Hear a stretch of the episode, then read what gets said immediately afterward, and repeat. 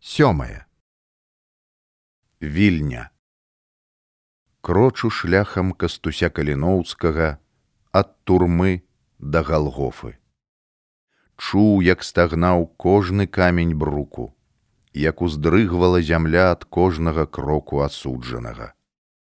Гул ранішняга звону што склікаў на літургію імшу з болем адгукаўся ў сэрцы кожнага віленца і сонца як тады у суровы і пахмурны дзень 1864 года старалася схавацца за аблокі.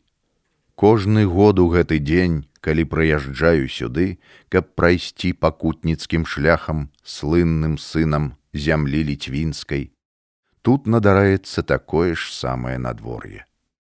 І аднекуль прылятае белы голуб, кружыць і кружляе над тым месцам, адкуль паляцеў у бессмяротнасць вікенцій Канстанцін Сямёнович Каліноўскі, нарадзіўшыся ў 1838 годзе, не дажыўшы да свайго трыццацігоддзя чатыры гады і да ўзросту Хрыста, які ўзышоў на галгофу сем гадоў. Потым да яго далучаецца белая галубка, і кружэляць яны тады над горадам, не могуць наталіць крылы прухкасцю паветра і сваім неспатольным каханнем. Чулася мне яшчэ, як у паднябессі гучэў ціхі шэпт. Марыська, галубка моя чарнаброўка. У той жа дзень, як перастала біцца сэрца дыктатара паўстання, начальнік віленскай жандарскай каманды штабс-капітан сямёнаў бо адсутнічаў губернскі жандарскі штаб-афіцэр адправіў у трэцяе аддзяленне ў пецярбург данясенне. Дварянін викентий константин каліновскі повешен вільна на торговой площади на лукішках в десять часов тридцать минут праз чатыры дні данясенне паклалі на стол расійскаму цару Па ўстаноўленым парадку цела дыктатара паўстання на пачатку закапалі там, дзе і адбылося пакаранне. Але царскія ўлады парушалі гэты закон. Ноччу у потай, каб ніхто не бачыў, выкопвалі нябожчыкаў і хавалі ўжо на тэрыторыі цытадэлі. Як некалі па загадзе мураўёва адкапалі цела Михала Валовіча, якога ярыга павесіў 21 ліпеня па старым стылі у гародні за скідальскую заставаю. Выкапалі і таемна перанеслі ў закінуты вапнавы кар'ер і закапалі так, каб ніхто не мог яго адшукаць. Казалі, што ўсю ноч інсургенты, чакаючы зручнага моманту, хацелі выкапаць цела каліноўскага і пахаваць па-хрысціянску на могілках, каб усе ведалі, дзе спачывае дыктатар паўстання. Але каля магілы дзяжурылі расійскія жаўнеры і жандарскія афіцэры. Яны і бачылі, як выкапалі магілу, як павезлі нябожчыка ў цытадэль. Але туды пранікнуць было немагчыма. Месца тое царскія ўлады ахоўвалі яшчэ пільней, чым пры жыцці кіраўніка паўстання калі ён знаходзіўся ў вязніцы. Кожны віленец ведае, што месцам пахавання касінераў паўстання 1863 года, якіх пакаралі ў вільні, лічыцца вяршыня гары гедемінаса. Там у той час знаходзілася цытадэль. Праз 30 гадоў пасля смерці Михала Валовіча тым мураўёвым вешальнікам і ў такім жа 26гадовым узросце, але не ў гародні, а ў вільні быў павешаны кастусь каліноўскі. Прадаўжальнік яго справы і кіраўнік нацыянальна-вызвольнага руху беларускага народа супраць расійскага паняволення. Атраду 40 салдат ахоўваў палонных серакоўскага і яго ад'ютанта Якова Сакоўскага касцялоўскага, афіцера Якубоўскага баляслава калышку. Разам з імі яшчэ 18 паўстанцаў. Усіх правозілі ў мядзейкі, а адтуль пагрузілі на цягнік, які давёз іх да вільні. Калышку і астатніх палонных кінулі ў казематы віленскай цытадэлі былога верхняга замка. Генерал ганецкі за разгром паўстанцаў з рук губернатаршы атрымаў лаўровы вянок. Назімаў не спяшаўся з вынясеннем суровага смяротнага пакарання, хаця палонным аб'явіў, што іх жыццё ў іх жа руках. Для гэтага трэба было даць следчай камісіі чыстасардэчныя паказанні назваць прозвішчы сяброў і самае галоўнае пакаяцца ў сваіх злачынствах і ўдзеле ў паўстанні. Даводзіў ім яшчэ генерал-губернатар Уладзімир Іванович Назімаў, спадзяючыся, што паўстанцы прымуць яго прапановы. А думайцеся, вас жа чакае віселіца альбо расстрэл. Мы памілуем вас, як памілавалі начальніка паўстанцкага атрада рамана рагінскага. Ён чыстасардэчна пакаяўся і даў паказанні на сваіх паплечнікаў. Вы ж прайгралі, таму хоць жыццё сабе захавайце. А нам пятля мілейшая, чым жыццё, выгукнуў калышка. А рагінскі для нас ніхто. Мы пра такога не ведаем. Назімаў недаўменна паціснуў плячыма, адышоў ад паўстанцаў. З калышкі каты следчай камісіі пад кіраўніцтвам генерал-лейтенанта весяліцкага не выцягнулі ніводнага слова прызнання. Ён не назваў ніводнага прозвішча кіраўнікоў паўстання. Ваенна-палявы суд вынес баляславу калышку смяротнае пакаранне, а старшыня за тое, што не дабіўся прызнанняў ад камандзіра паўстанцаў, атрымаў адстаўку. Але назімаў усё ж цягнуў з выкананнем прысуду, да апошняга спадзяючыся, што зможа неяк уратаваць жыццё і серакоўскаму і калышку.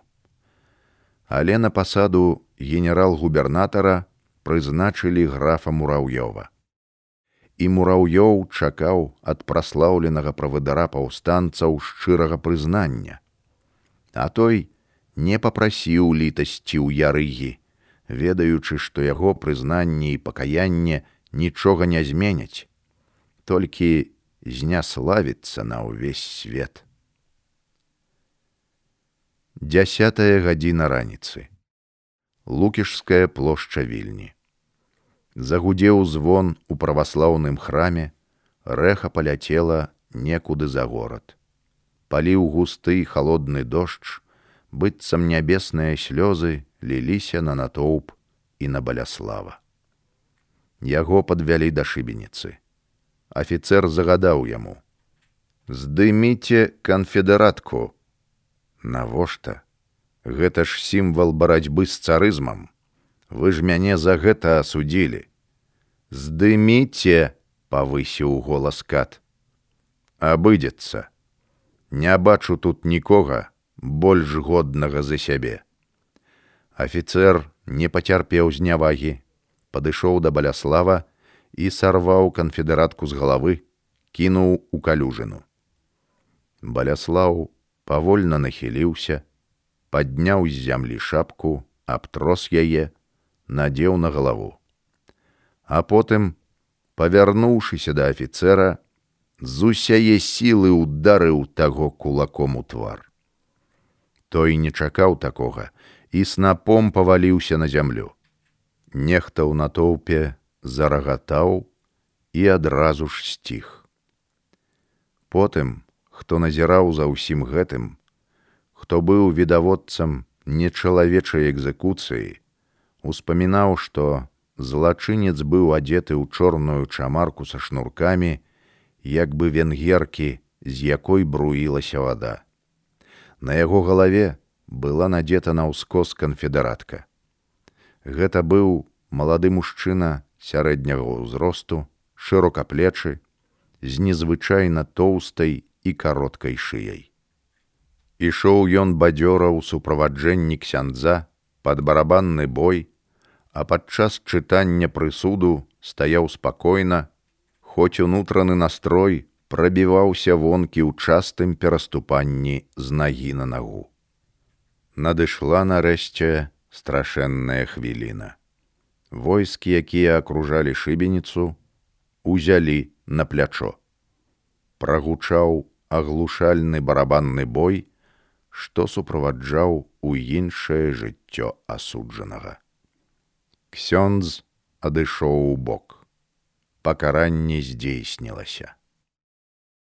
Гэта ўспаміны відаводца нікоціна. Амаль усё напісанае праўда, але ён быў не да канца шчыры. Нечакана вяроўка на шыбеніцы абарвалася, і баляслаў паваліўся на памост усе ў разгубленасці пачалі пераглядвацца. Тады, доўга не думаючы, да яго ляжачага падбег кат, аж чапераў кашчавымі рукамі шыю баляслава і задушыў яго на памосце. Так яму і трэба, выгукнулі з натоўпу. За тыя жорсткасці, што ён зрабіў, заслужаная смерць. Гэта былі выкрыкі царскіх чыноўнікаў, якіх сагналі на экзекуцыю. Некалькі паненак знепрытомнілі, паваліліся на мокрую зямлю. Тое страшнае відовішча мала хто вытрымліваў. Мёртвы баляслаў калышка ляжаў спінай на памосце. Дождж жамываў яго твар, буйныя кроплі барабанілі па падлозе, але гэта быў не барабанны бой катаў, а жалоба. Жалоба па героі. І ў табольск аднойчы легла моя дарога. Крочыў тымі сцежкамі, дзе хадзіла Марыся, галубка чарнаброва. Яна засталася вернай запаветам свайго абранніка, і там з'яднала тых, каму быў неабыякавы лёс сваёй краіны. Ды больш таго прыкладала шмат намаганняў і спробаў каб вызваліць сібірскай ссылкі пісьменніка дэмакрата міколу чарнышеўскага які высока цаніў асобу каліноўскага. Творы вершы і публіцыстыку яські з-пад вільні называў вяршыняй дасканаласці ліцвінскіх творцаў Марыі Мацвеюні Ямант асоба чарнышеўскага блізка нагадвала падабенства і роднасць паміж гэтымі таленавітымі асобамі. І па варшаўскіх вуліцах хадзіў, крочыў па яе слядах. Пераехала яна ў сталіцу Польшчы пасля дзесяцігадовай высылкі. Да апошняга дыхання захавала марыська адданасць свайму, абранаму лёсам, прадвызначанаму Богам, пакутніку і пераможцу над слабасцю духу вікенцію Канстанціну Каліноўскаму. Толькі ў 1874 годзе Марыська, калі ўжо вярнулася на радзіму, калі памерлі яе бацькі і сястра Алена з мужам, урэшце адказвае ўзаемнасцю на прапанову пабрацца шлюбам з былым ссыльным войцахам дмалеўскім хаця ён і не быў блізкім сябрам яе нарачонага, але сустракаліся не раз, абмяркоўвалі справы паўстання. Не ведала Марыся, што кастусь каліноўскі падчас апошняй сустрэчы з ім папрасіў, даверыў яму сваю каханую, прасіў паклапаціцца пра яе, ведаючы, што ўзыдзе на галгофу. Пра тое войцах не сказаў Марысі, асцерагаўся параніць яе збалелае сэрца, хаця ведаў, што да апошняга свайго ўздыху яна будзе памятаць пра таго, каму і аддала сваё сэрца і каханне. Пра тое і напамінаў марысьцы пярсцёнак, які на яе палец надзеў вялікі дыктатар народнага паўстання. То было і з'яўляецца для нас іх нашчадкаў найярчэйшым прыкладам гарэння двух закаханых сэрцаў. А каханне, як і сцвярджаў вышні, заўсёды бясконцае і несмяротнае. І ў тое мы павінны, пераканаўшыся на іх прыкладзе, поверыць і прыняць як ісціну, як запавет, бласлаўлёны вышнім творцам вялікага кахання. Бо вера умацоўвае душу кожнага чалавека, памагае яму паверыць у светласць заўтрашняга дня.